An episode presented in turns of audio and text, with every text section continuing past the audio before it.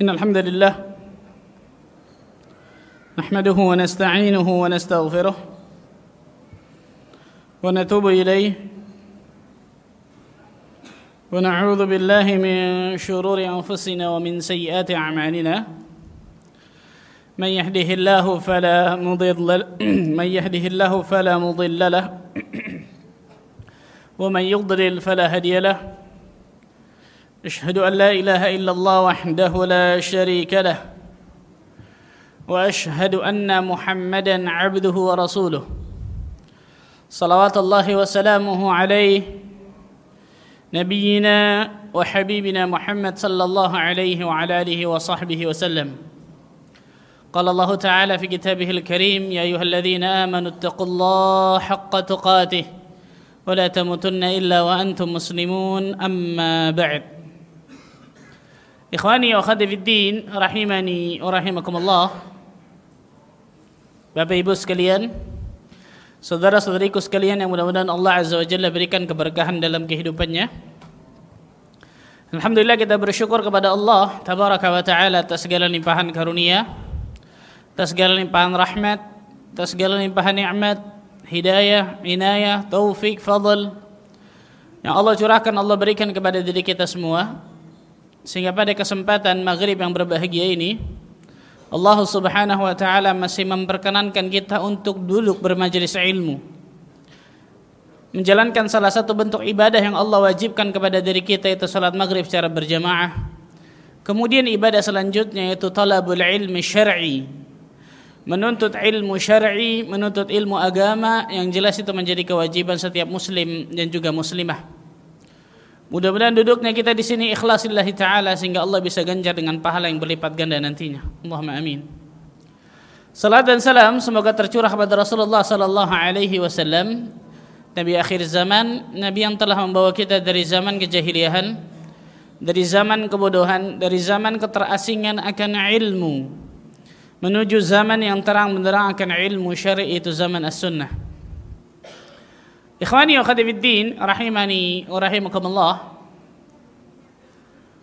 menjadi kewajiban bagi setiap muslim dan muslimah untuk menjaga seluruh anggota tubuhnya dari berbuat kedurhakaan kepada Allah Rabbul Alamin. Karena seluruh anggota tubuh ini akan dimintai pertanggungjawaban yang di hadapan Allah Subhanahu wa taala. Rasul sallallahu alaihi wasallam bersabda dalam hadis yang sahih yang diriwayatkan Imam At-Tirmizi, la tazulu qadama 'abdin yawmal qiyamati hatta yus'al. Tidak akan bergeser kaki seorang hamba nanti di hari kiamat sampai ditanya beberapa pertanyaan.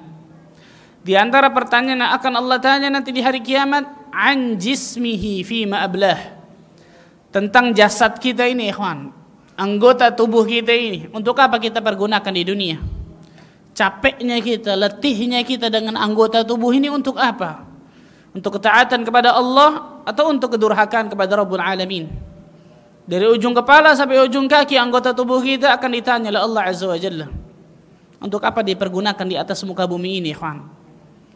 Dan sebuah kenikmatan yang luar biasa besarnya ketika Allah Azza wa Jalla berikan kepada diri kita anggota tubuh yang lengkap. Di antara bentuk bersyukur dari anggota tubuh yang Allah berikan kepada diri kita, tidak lain tidak bukan adalah al-isti'anatu biha ala ta'atillah wa kaffa an ma'siyatihi. Mempergunakan anggota tubuh kita di jalan ketaatan kepada Allah dan menjauhi kedurhakaan kepada Allah. Di antara anggota tubuh yang wajib benar-benar kita jaga ikhwan. Karena satu anggota tubuh ini sangat luar biasa menentukan bagaimana seseorang bisa mendapatkan surga ataupun neraka. Adalah lisan karena itu tema bahasan kita pada maghrib bahagia ini adalah lisanmu, surgamu atau nerakamu. Betul ikhwan. Lisan seseorang bisa memasukkan seseorang ke dalam surga atau bisa menggelincirkan seseorang ke dalam api neraka Allah tabaraka wa taala. Karena itu kewajiban bagi setiap muslim dan muslimah untuk melihat apa yang dia gunakan dari lisannya. Apakah dia pergunakan di jalan ketaatan kepada Rabbul Alamin? Apakah dia pergunakan lisannya untuk zikrullah, tilawatul Quran, al-amru bil ma'ruf wan nahi 'anil munkar. Atau sebaliknya ternyata digunakan untuk menghibah, memfitnah, mencelah, menggunjing, berbohong dan lain sebagainya. Lisan kita pasti akan ditanya oleh Allah nanti di hari kiamat ikhwan. Untuk apa kita pergunakan lisan ini di dunia? Orang yang cerdas adalah orang-orang yang menggunakan lisannya di dalam ketaatan kepada Allah. Orang yang cerdas adalah orang-orang yang menggunakan lisannya untuk hal-hal yang bermanfaat untuk dirinya di negeri akhirat. Dan orang yang jahil, orang yang bodoh adalah orang-orang yang mengumbar lisannya tanpa ada saringan dalam lisannya tanpa ada filter. Dia umbar lisannya luar biasa naudzubillah min dzalik yang ternyata lisan tersebut dapat menjerumuskan dirinya ke dalam neraka neraka Allah Subhanahu wa taala naudzubillah min dzalik. Allah Subhanahu wa taala berfirman di dalam surah Al-Ahzab surah 33 ayat 70 dan 71. Ya ayyuhalladzina amanu taqullaha wa qulu qawlan sadida. Wahai orang-orang yang beriman, bertakwalah kalian kepada Allah. Takutlah kalian kepada Allah. Dan katakanlah kata-kata yang sadid. Pakai sin, bukan pakai shin. Katakanlah kata-kata yang benar. Katakanlah kata-kata yang jujur, yang lurus. Ketika orang sudah bisa bertakwa kepada Allah dan mengatakan kata-kata yang benar, Allah Azza wa Jalla menjanjikan dua hal bagi dirinya dalam ayat ini. Apa itu? yuslih lakum a'malakum niscaya Allah azza wajalla akan memperbaiki amal-amal kalian wa yaghfir lakum dhunubakum. Dan Allah azza wajalla akan mengampuni dosa-dosa kalian. Allahu akbar. Dua hal yang akan Allah berikan. Bagi orang-orang yang bisa menjaga lisannya mengatakan sesuatu yang benar Allah akan jaga amalannya dan Allah azza wajalla akan ampuni dosanya.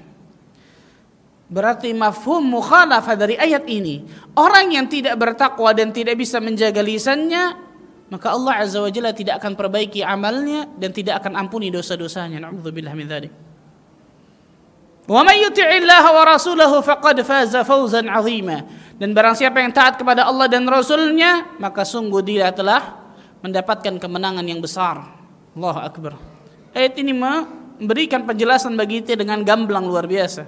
Ketika orang ingin amal-amalannya dijaga oleh Allah, karena kita dapat beramal soleh atas karunia Allah, ikhwan. Atas rahmat Allah, atas bantuan Allah. Bukan kehebatan diri kita, sama sekali tidak. Bagi orang-orang yang ingin amalannya Allah Azza wa Jalla jaga, ternyata yang paling besar di antara faktor yang luar biasa besarnya mempengaruhi amal seseorang adalah ketika dirinya bisa menjaga lisan. Allah Azza wa Jalla juga berfirman dalam surah Al-Hujurat. Surah ke-49 Al-Hujurat ayat ke-12. Ya ayyuhalladzina amanu ijtanibu katsiran minadh-dhann. Inna ba'dadh-dhanni ithmu wa la tajassasu. Wahai orang-orang yang beriman, jauhilah oleh kalian kebanyakan prasangka. Ini prasangka buruk jauhi. Kenapa? Karena sebagian besar prasangka buruk itu mengandung dosa. Wala tajassasu dan janganlah kalian mencari-cari kesalahan orang lain. Wala yaghtab ba'dukum ba'dha. Dan janganlah kalian menggunjing saudara kalian yang lain. Ayuhibbu ahadukum ay ya'kula lahma akhihi maitan fakarihtumuh. Apakah kalian menyukai ketika kalian memakan daging bangkai saudara kalian yang telah mati? Maka kalian pasti akan merasa jijik dengannya. Taqullah innallaha tawwabur rahim. Bertakwalah kalian kepada Allah, sesungguhnya Allah Azza wa Jalla Maha penerima taubat dan juga dan juga Maha penyayang. Dalam ayat ini, ikhwan, ada tiga fase dosa besar. Tiga fase dosa besar. Yang pertama, suudzon. Berburuk sangka. Karena itu Allah katakan, jauhilah kalian kebanyakan buruk sangka. Karena kebanyakan buruk sangka itu mengandung dosa. Pertama nih, suudzon. Yang kedua, tajassus apa itu tajassus? Mencari-cari kesalahan orang. Mencari-cari kesalahan orang lain. Kalau orang sudah suudzon pada orang itu, biasanya akan berlanjut dosa yang kedua nih. Dia akan cari-cari kesalahan orang itu. Betul? Betul gak kawan? Yang pengalaman mana yang pengalaman?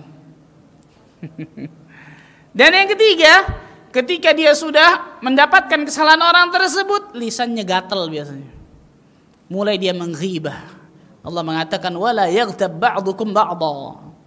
Dan janganlah kalian menggunjing, menghibah saudara kalian yang lain. Allahu Akbar.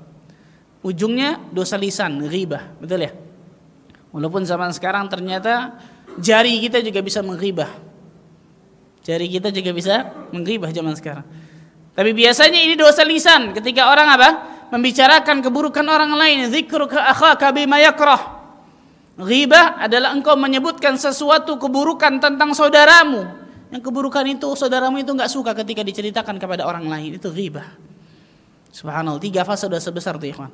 Suudzon, tajassus, ghibah. Bagaimana seseorang akan bisa jatuh ke dalam dosa ghibah itu dan itu dosa lisan kebanyakan? Ternyata ada fasenya, step by step. Tadarruj, sedikit demi sedikit tuh. Ini bahayanya subhanallahil azim. Allah mengatakan, apakah kalian menyukai ketika kalian memakan daging bangkai saudara kalian yang telah mati? Allahu Akbar. Kenapa? Karena orang yang menghibah saudaranya, saudaranya itu nggak ada di hadapannya. Makanya Allah Azza Jalla menyamakan dengan apa? Mayit. Memakan daging bangkai saudaranya yang telah mati. Kenapa? Mayit itu nggak bisa mungkin lawan dirinya. Mau, mau dia potong-potong, mau dia tendang, mau dia apa, nggak akan pernah bisa melawan mayit tersebut. Sama seperti saudara kita yang kita ceritakan keburukan. Saudara kita nggak bisa membela. Karena nggak ada di hadapan kita. Nggak ada di hadapan kita, subhanallah. Allah Azza wa Jalla sampai mengatakan, apakah kalian menyukai ketika kalian memakan daging bangkai saudara kalian yang telah mati? Fakarihtumu. Maka kalian pasti akan merasa benci, jijik dengannya. Allahu Akbar. Di ujung ayat Allah mengatakan, Wattaqullah innallaha tawwabur rahim. Bertakwalah kalian kepada Allah, sesungguhnya Allah penerima taubat lagi maha penyayang. Syahid bahasan kita adalah ternyata ujungnya biasanya dosa lisan, ghibah.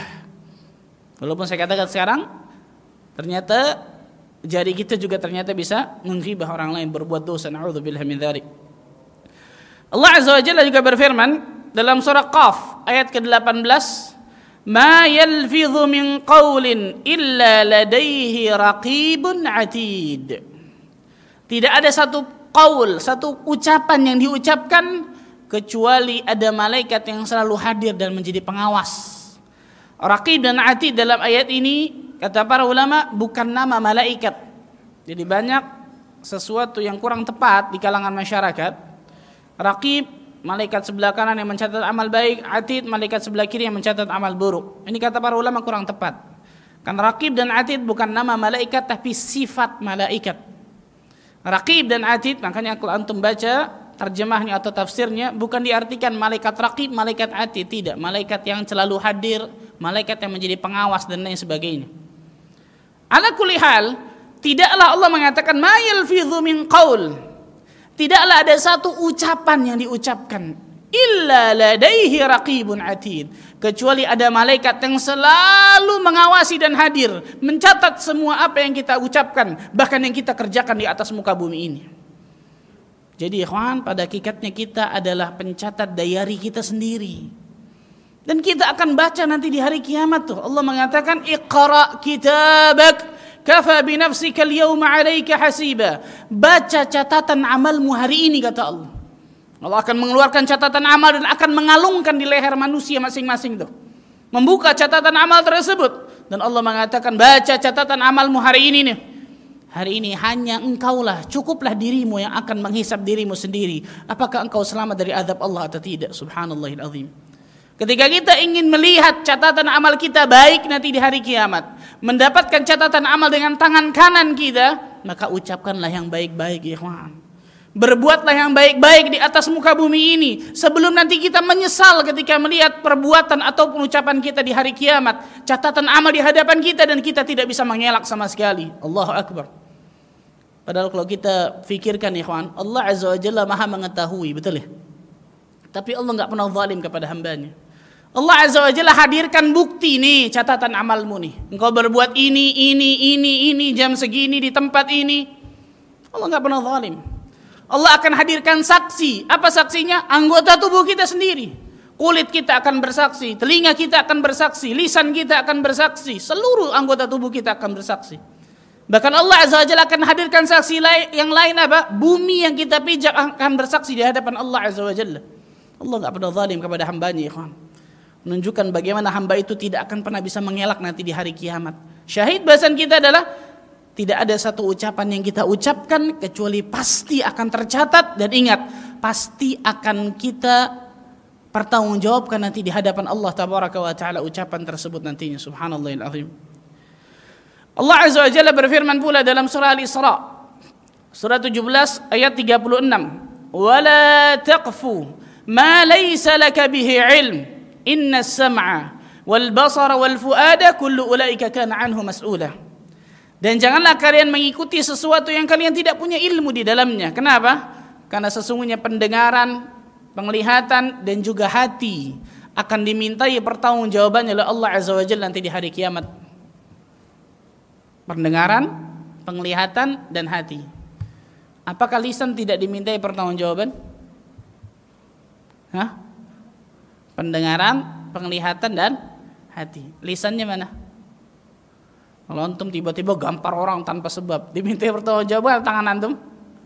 Hah? Bingung jawabnya Masya Allah.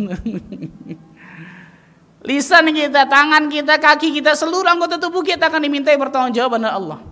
Ayat ini kata para ulama di antara balaghatul Quran, di antara sastra dalam Al-Qur'an Al-Karim, sastra Arab dalam Al-Qur'an Al-Karim. Allah Azza wa Jalla sering dalam Al-Quran menyebutkan sebagian tapi maknanya untuk keseluruhan. Menyebutkan sebagian tapi maknanya untuk keseluruhan. Contohnya ini. Allah sebutkan tiga ini nih. Pendengaran, penglihatan, dan hati. Kenapa? Karena tiga anggota ini tiga anggota tubuh sentral dalam diri manusia. Bukan berarti lisan tidak dimintai pertanggungjawaban. Lisan dimintai pertanggungjawaban oleh Allah. Tangan dimintai pertanggungjawaban, kaki dimintai pertanggungjawaban dan lain sebagainya. Tapi Allah sebutkan di antaranya tiga. Yang sentralnya. Pada hakikatnya bukan hanya tiga ini. Tapi seluruh anggota tubuh kita akan diminta pertanggungjawaban oleh Allah Azza wa Jalla. Di antara syahid bahasan kita adalah lisan kita. Ketika kita mengatakan yang baik-baik, maka Allah Azza wa Jalla juga akan memberikan balasan yang baik-baik. Ketika kita mengatakan yang buruk-buruk, maka Allah Azza wa Jalla pun akan memberikan balasan yang buruk nanti di hari kiamat nanti. Nauzubillah min dzalik. Rasul sallallahu alaihi wasallam bersabda dalam hadis yang sahih yang diriwayatkan Imam Muslim dalam sahihnya Inna Allah yarda lakum thalathan wa yakrahu lakum thalathan Sesungguhnya Allah Azza wa Jalla meridai mencintai kepada kalian tiga perkara dan membenci kepada kalian tiga perkara pula. Apa saja tiga perkara yang Allah ridai yang Allah cintai? Yang pertama, an ta'buduhu wa la tusyriku bihi syai'a. Hendaklah engkau menyembah hanya kepada Allah dan jangan menyekutukan Allah dengan sesuatu apa pun. Ini yang pertama jelas. Orang yang mentauhidkan Allah, menjauhkan kesyirikan, pasti Allah cinta sama orang ini. Pasti Allah ridha sama orang ini. Ini perkara yang pertama yang Allah ridhai atau Allah cintai. Kita mentauhidkan Allah, menjauhkan kesyirikan, tidak berbuat syirik. Yang kedua kata Rasul sallallahu alaihi wasallam wa an ta'tasimu bihablillahi jami'a wa la tafarraqu. Dan hendaklah engkau berpegang kepada tali agama Allah dan jangan berpecah belah. Tali agama Allah itu Al-Qur'an dan juga As-Sunnah. Al-Qur'an dan juga As-Sunnah. Yang Al-Qur'an dan As-Sunnah ini difahami mengikuti pola fikir, mengikuti pemahaman tiga generasi terbaik ulama ini atau kita kenal dengan salafus salih atau salaful ummah. Itu hablullah, itu tali agama Allah. Dan jangan kalian berpecah belah. Ini perkara yang Allah ridha ini yang kedua nih. Berpegang kepada Al-Qur'an dan As-Sunnah atas pemahaman yang benar dan jangan berpecah belah. Dan yang ketiga kata Rasul sallallahu alaihi wasallam wa anta nasahu man wallahu Allahu amrakum. Hendaklah kalian saling menasehati kepada para pemimpin kalian Rasul katakan apa? Wa anta nasahu. Hendaklah kalian saling menasehati kepada para pemimpin kalian, bukan mencela, bukan menghibah, bukan mengejek, tidak. Rasul katakan wa anta nasahu, jelas hadisnya. Ini yang ketiga, perkara yang Allah ridhai adalah ketika seseorang saling menasehati kepada para pemimpinnya, pemimpin pada rakyat, rakyat kepada pemimpinnya dan lain sebagainya. Kemudian perkara yang tiga perkara yang Allah benci, ini syahid bahasan kita nih. Apa kata Nabi sallallahu alaihi wasallam? Wa yakrahu lakum qila wa qal. Dan Allah membenci kepada kalian qila wa qal. Apa qila wa qal? Hah? kabar burung. Hoax kalau zaman sekarang hoax. Berita yang belum valid. Dapat berita mentalan aja bulat-bulat. Zaman sekarang ini subhanallahilazim. Gampang luar biasa manusia terprovokasi ini. Gampang manusia untuk menelan berita bulat-bulat aja subhanallah. Tanpa kemudian klarifikasi, tanpa tabayyun, tanpa tathabbut. Dan ini biasa dosa apa? Dosa lisan. Dosa lisan biasanya ngomong ini ke orang lain, ngomong ini dan sebagai sampai itu. Ternyata bohong semua itu ucapannya. Atau saya katakan tadi apa? Jari juga bisa melakukan dosa ini sekarang. Share, share dan lain sebagainya. Niatnya mungkin baik, tapi subhanallah coba lihat di situ Apakah di situ berbuat ilmu, memuat ilmu atau sebaliknya subhanallah. Ternyata Allah Azza Jalla membenci kabar burung, berita yang belum jelas kebenarannya. Jadi itu ketika apa? Ada orang-orang yang menyampaikan berita kepada kalian apa kata Allah? Fatabayyanu. Tabayyun dulu. Cek dulu beritanya benar atau tidak. Jangan main telan aja, jangan main terima saja bulat-bulat subhanallah. Yang kedua, perkara yang Allah benci Wa kathratus su'al, banyak bertanya. Maksudnya apa? Nggak boleh nanya berarti kita. Banyak bertanya tapi niatnya buruk. Contohnya orang-orang Yahudi bertanya kepada para nabi mereka di antara Nabi Musa untuk apa? Terhindar dari perintah tersebut. Lihat dalam surah Al-Baqarah tuh. Allah perintahkan untuk menyembelih seekor sapi, mereka nanya, warnanya gimana, sapi gimana, udah kawin apa belum, udah kawin apa belum ditanya. La haula wala quwata. Itu Yahudi tuh. Akhirnya Allah bikin sulit sekalian deh. Ini bertanya tapi niatnya apa? Buruk untuk terhindar dari perintah. Atau bertanya untuk ngetes. Nauzubillah min dzalik. Seseorang bertanya untuk menghilangkan kebodohan, mengangkat kebodohan dalam dirinya. Ini terpuji, luar biasa bagus. Tapi kalau banyak bertanya tapi niat yang tidak baik, ah, ini tidak baik kata para ulama, kata Rasulullah SAW. Dan yang ketiga wa idha'atul mal, menyia-nyiakan harta, menghambur-hamburkan harta. Hartanya banyak, beli mobil yang luar biasa mahal, beli beli rumah yang luar biasa mahal dan banyak luar biasa. Hisapnya gimana itu ya kan? Coba untuk pikirkan hisapnya gimana tuh? Mudah atau sulit kira-kira hisapnya di hadapan Allah? Subhanallahiladzim menghambur-hamburkan harta yang tidak jelas subhanallahiladzim. Syahid bahasan kita adalah perkara yang Allah benci. Yang pertama adalah qila wa. Kabar yang belum jelas. Hoax. Berita yang belum jelas. Karena itu perlu untuk mengcross checknya atau mentabayyun dulu. Ikhwani wa khatifiddin, rahimani wa rahimakumullah. Fitrah manusia pasti mencintai harta. Mencintai dunia, harta. Allah Azza wa Jalla berfirman dalam surah Ali Imran ayat ke-14, زين للناس حب الشهوات من النساء والبنين والقناطير المقنطرة من الذهب والفضة والخيل المسومة والأنعام والحرث ذلك متاع الحياة الدنيا والله عنده حسن المآب telah dijadikan indah telah dihiasi memang kepada manusia hubbus syahwat cinta kepada sesuatu yang dia ingini syahwat dari apa itu dari para, dari para wanita anak-anak harta kekayaan yang bertumpuk dari emas dan perak sawah dan ladang kuda pilihan Semuanya apa kata Allah? Dzalika mata'ul hayatid dunya. Itu semua perhiasan kehidupan dunia. Wallahu indahu husnul ma'ab. Dan di sisi Allah lah tempat kembali yang baik. Apa maksudnya? Surga Allah Azza wa Jalla. Sering antum lihat dalam Al-Quran seperti ini. Allah sebutkan dunia, ujungnya pasti Allah sebutkan akhirat. Sebutkan dunia, ujungnya pasti Allah sebutkan akhirat. Nah, fitrah manusia mencintai harta. Mencintai dunia memang. Dan itu memang tidak tercela kata para ulama. Tapi tercelanya adalah ketika seorang manusia lebih mencintai dunianya ketimbang akhiratnya. Ketika seorang manusia lebih mencintai hartanya ketimbang Allah dan Rasulnya. Ketika seorang manusia lebih mencintai dunianya ketimbang agamanya. Ini tercela, ini berbahaya nih. Dan ternyata ada harta yang memang harus wajib kita miliki. Tapi itu bukan emas, bukan perak, bukan permata, bukan berlian, bukan intan, bukan zamrud. Ada seseorang datang kepada Nabi sallallahu alaihi wasallam. Dalam hadis yang sahih dari Imam Ahmad dalam musnadnya dari sahabat Thauban radhiyallahu anhu. Orang ini bertanya kepada Rasul sallallahu alaihi wasallam, "Ya Rasulullah sallallahu alaihi wasallam, ayyul mali ittakhadnahu?" Harta apa yang harus kami miliki? Kira-kira kalau nanya sama kita jawabannya apa, ikhwan? Nah, apartemen, rumah gedong, mobil mewah ya. Orang ini bertanya kepada Rasul sallallahu alaihi wasallam, "Harta apa yang harus kami miliki ya Rasulullah sallallahu alaihi wasallam?" Rasul menjawab tiga hal. Coba lihat kita baik-baik, tiga hal ini sudah kita dapatkan atau belum nih, ikhwan? Yang pertama kata Rasul sallallahu alaihi wasallam, "Afdaluhu lisanan dzakira."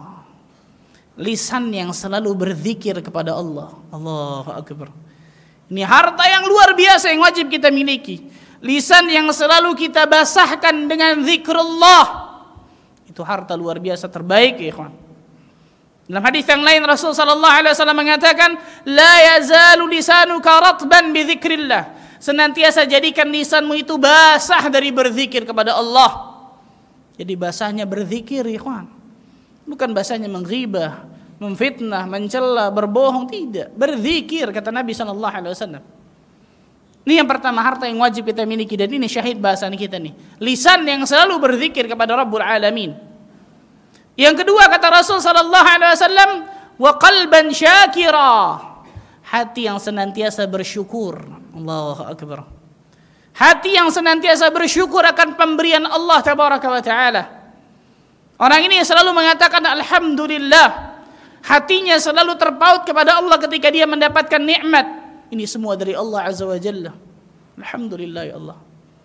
Dan yang ketiga, zaujah salihah. Fi riwayah, zaujah mu'minah tu'inuhu ala amri dunyaka wa, wa, wa, wa, wa akhiratak.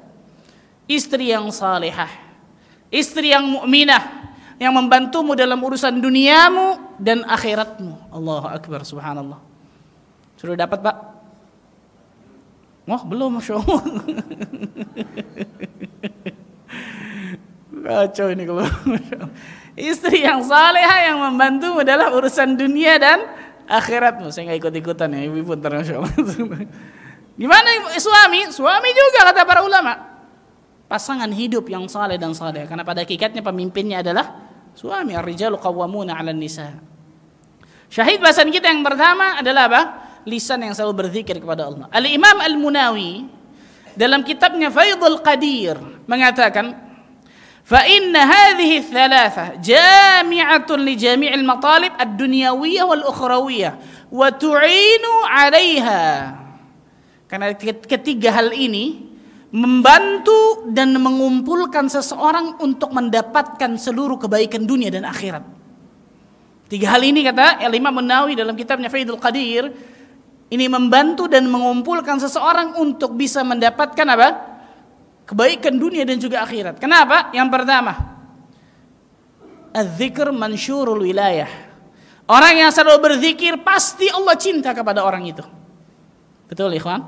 Jangan jangankan Allah, manusia pun akan cinta kepada orang itu. Manusia pun akan cinta kepada orang tersebut. Jangan hanya jangan cuma Allah, subhanallah. Kemudian yang kedua, apa itu? Ah, asyukur yastaujibul mazid. Bersyukur akan menambah nikmat yang lain akan masuk ke dalam diri kita. Ayatnya hafal insyaallah. Lakin la in syakartum la azidannakum wa la in kafartum inna adzabi lasyadid. Jika kalian bersyukur kepada Allah maka pasti kami akan tambah nikmat kepada kalian. Ayat ini hafal luar biasa kita.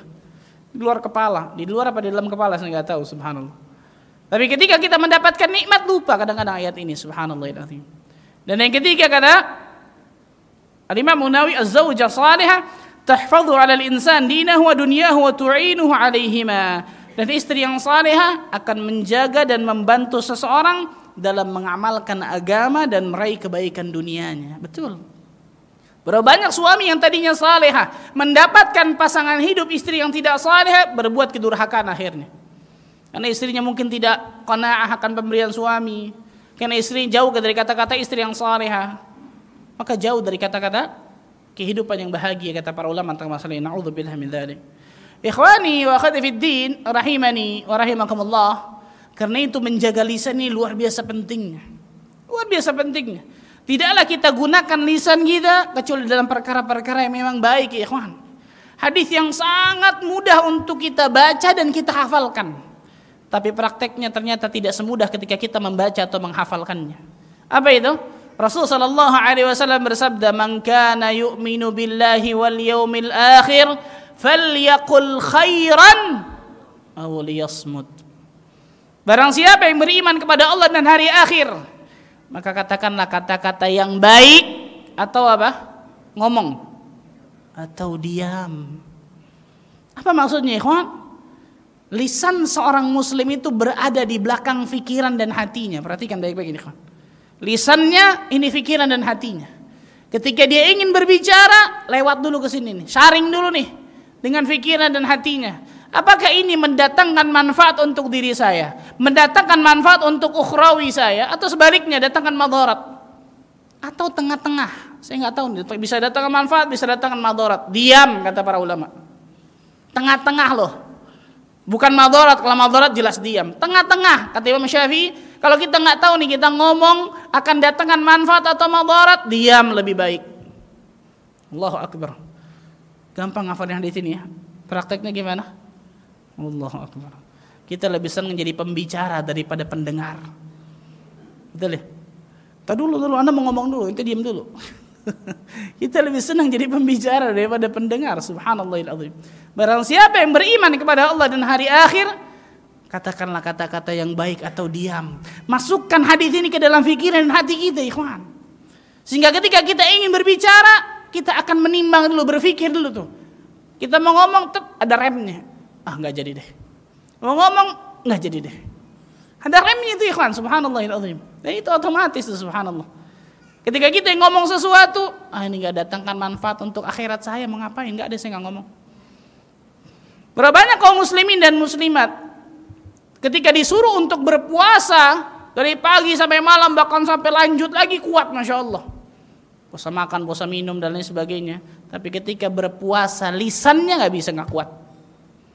Betul? nggak kuat puasa nggak bisa sejam aja saya nggak bisa nggak ngomong bosan. Coba salasi dulu mulutnya subhanallah itu. Bagaimana para ulama salaf terdahulu tidak mengatakan kecuali memang luar biasa memang baik-baik. Karena mereka mengamalkan hadis Nabi Shallallahu Alaihi Wasallam ini, Subhanallah. Dan keistiqomahan seseorang, perhatikan kawan. Keistiqomahan seseorang di antara penyebabnya adalah ketika orang itu bisa menjaga lisan. Tiga, tidak istiqomahnya seseorang di antara penyebabnya karena orang itu nggak bisa jaga lisannya. Rasul Shallallahu Alaihi Wasallam bersabda dalam hadis yang sahih yang diriwayatkan Muslim Ahmad, Muslim Imam Ahmad dari sahabat Anas bin Malik Rasul sallallahu alaihi wasallam bersabda la yastaqimu imanu 'abdin hatta yastaqimu qalbuhu iman seseorang tidak akan pernah istiqamah sampai hatinya istiqamah wala yastaqimu qalbuhu hatta yastaqimu lisanuhu. Dan hati seseorang tidak akan istiqamah sampai lisannya istiqamah Allahu akbar lihat. Rasul sallallahu alaihi wasallam mengkaitkan keistiqomahan iman dengan keistiqomahan hati dan mengkaitkan keistiqomahan hati dengan keistiqomahan lisan. Hanya banyak kita temukan orang-orang yang mungkin sudah bisa sudah mendapatkan hidayah Allah, ternyata lepas lagi hidayah Allah tersebut. Kenapa? Banyak faktornya. Di antaranya orang itu nggak bisa jaga lisannya. Nauzubillah min dzalik. Lihat. Istiqomah semua orang pasti mendambakan keistiqomahan ini, ikhwan. Tapi kalau orang tidak berjalan di jalan istiqomah itu akan melenceng itu. Di antaranya menjaga lisannya. Dalam riwayat yang lain atau dalam hadis yang lain lebih luar biasa lagi. Hadis yang Hasan yang diriwayatkan Imam At-Tirmidzi. Diasami oleh Syekh Al-Bani rahimahullah taala. Hadis ini ada yang mendaifkan, ada yang menghasankan. Tapi kata para ulama, makna dari hadis ini itu yasih. Benar betul. Dan Syekh Al-Bani menghasankan hadis ini. Rasul sallallahu alaihi wasallam mengatakan, "Idza asbaha ibnu Adam fa innal a'dha tukaffirul lisan." Ajib di sini nih. Apabila waktu pagi tiba, maka seluruh anggota tubuh kita akan menyatakan ketundukannya kepada lisan. Fataqul, kemudian anggota tubuh kita akan ngomong kepada lisan masing-masing. Apa yang dia omongin? Ya lisan, ittaqillah fina. Wahai lisan, bertakwalah engkau kepada Allah terkait kami, kata anggota tubuh nih kepada lisan. Bertakwa engkau kepada Allah terkait kami. Kenapa? Fa innama nahnu bika. Karena sesungguhnya kami cuma ngikutin engkau. Ini istaqamta fa in istaqamta istaqamna fa ini wajazta i'wajazna jika engkau istiqamah lurus kami pun akan lurus istiqamah tapi jika engkau melenceng, kami pun akan melenceng. Allahu Akbar. Subhanallah. Setiap pagi kata Nabi Sallallahu Alaihi Wasallam, seluruh anggota tubuh kita akan menyatakan ketundukannya kepada lisan dan terus memberikan nasihat kepada lisannya masing-masing. Wahai lisan, bertakwalah engkau kepada Allah terkait kami. Karena kami cuma tergantung engkau, engkau lurus, kami lurus. Engkau melenceng, kami pun akan ikut melenceng. Allahu Akbar. Lihat, orang yang mendambakan keistiqomahan tapi lisannya tidak pernah dia jaga hati-hati ikhwan. Hati-hati subhanallah. Karena hidayah ini bukan cuma mahal. Hidayah ini tidak hidayah ini tidak bernilai luar biasa. Kalau hanya mahal banyak orang bisa beli. Mobil-mobil miliaran bisa orang beli ya? Bisa hidayah ini nggak bisa dibeli subhanallah kalau orang sudah bisa mendapatkan hidayah Allah jangan pernah lepaskan hidayah Allah tersebut di antara caranya jaga lisan kita. Karena ketika hidayah itu lepas kita tidak tahu apakah kita bisa menggenggamnya kembali, bisa mendapatkannya kembali atau tidak. Subhanallahirrahmanirrahim. Itu yang dikatakan para ulama tentang masalah ini. Dalam sebuah hadis yang sahih pula yang diriwayatkan Imam Ahmad dalam musnadnya, Sunan Ibnu Majah dalam sunannya dari hadis Abu Ayyub Al-Ansari. Saya mau tanya. Enggak ada hadiah tapi insyaallah. Abu Ayyub Al-Ansari. Abu Ayyub ini kunyah. Al-Ansari gelar orang Ansar. Siapa nama aslinya? Sahabatnya ikhwan. Nah, Abu Ayyub Al-Ansari. Siapa nama aslinya? Bingung Masya Allah. Kalau saya tanya pemain bola kenal Insya Allah. Hah, Abu Ayyub Al-Ansari. Siapa yang tahu? searching di Google namanya Ustadz eh bukan Ustadz itu namanya Khalid bin Zaid sama seperti nama Ustadz Khalid Basalama Ustadz Khalid itu Khalid bin Zaid Basalama tapi kalau ini Khalid bin Zaid Al Ansari bukan Basalama Khalid bin Zaid dari hadis Abu Ayyub Al Ansari ingat tuh ya nanti saya tanya saya ketemu lagi insyaallah Khalid bin Zaid ada orang datang menemui Nabi sallallahu alaihi wasallam mengatakan, "Ya Rasulullah sallallahu alaihi wasallam, ausini."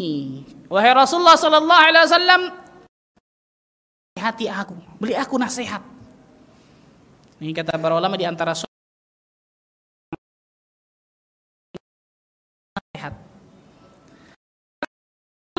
Wasallam memberikan tiga nasihat yang luar biasa. Yang pertama, "Idza qumta fi salatika fasallu Apabila engkau berdiri dalam sholat, maka jadikan sholatmu itu Apa maksudnya? Bisa jadi itu sholat terakhir saya. Coba bayangkan kalau kita bisa menjadikan ini bagaimana khusyuknya setiap sholat kita tuh. Yang kedua syahid bahasan kita nih. Wala takallam bikalamin ta'tadhiru minhu ghada. Dan janganlah kalian mengatakan satu perkataan yang menjadikan kalian minta maaf setelah mengatakan itu. Ini yang saya katakan tadi, lisan seseorang berada di belakang apa? Pikiran dan hatinya. Ngo, pikir dulu sebelum ngomong. Bukan di depan. Ngomong dulu Pak Ustadz deh, nanti mikirnya. Nyesel pasti orang ini, kawan. Betapa banyak orang-orang yang menyesal ketika berbicara dan hanya sedikit orang-orang yang menyesal ketika diam kata para ulama. Ini yang kedua. Apabila kalian berbicara, jangan apa? Jangan menjadikan kalian minta maaf setelah mengatakan perkataan tersebut. Dan yang ketiga, wajma'il iyas mimma fi yadayin nas. Kumpulkanlah keterputusasaan dari apa yang di tangan manusia. Apa maksudnya? Jangan pernah bergantung kepada manusia dan hanya bertawakal kepada Rabbul Alamin. Ini sebagian dari membahas tentang masalah lisan dengan ada kikat yang panjang luar biasa tentang masalah lisan ini. Tapi mudah-mudahan yang sedikit ini bermanfaat bagi diri dan antum sekalian. Dan mudah-mudahan diri kita termasuk golongan hamba-hamba Allah yang selalu bisa menjaga lisan kita. Yang dengan itu Allah Azza wa Jalla terus berita, berikan tambahan hidayah kepada diri kita. Yang nantinya Allah Azza wa Jalla bisa wafatkan kita dalam keadaan husnul khatimah. Sebagaimana Allah Azza wa Jalla kumpulkan kita di masjid ini mudah-mudahan juga bisa Allah kumpulkan kita nanti di surga firdaus yang tanpa hisab dan tanpa azab. Allahumma amin rabbal alamin. Subhanakallah bihamdika أشهد أن لا إله إلا أنت أستغفرك وأتوب إليك والسلام عليكم ورحمة الله وبركاته.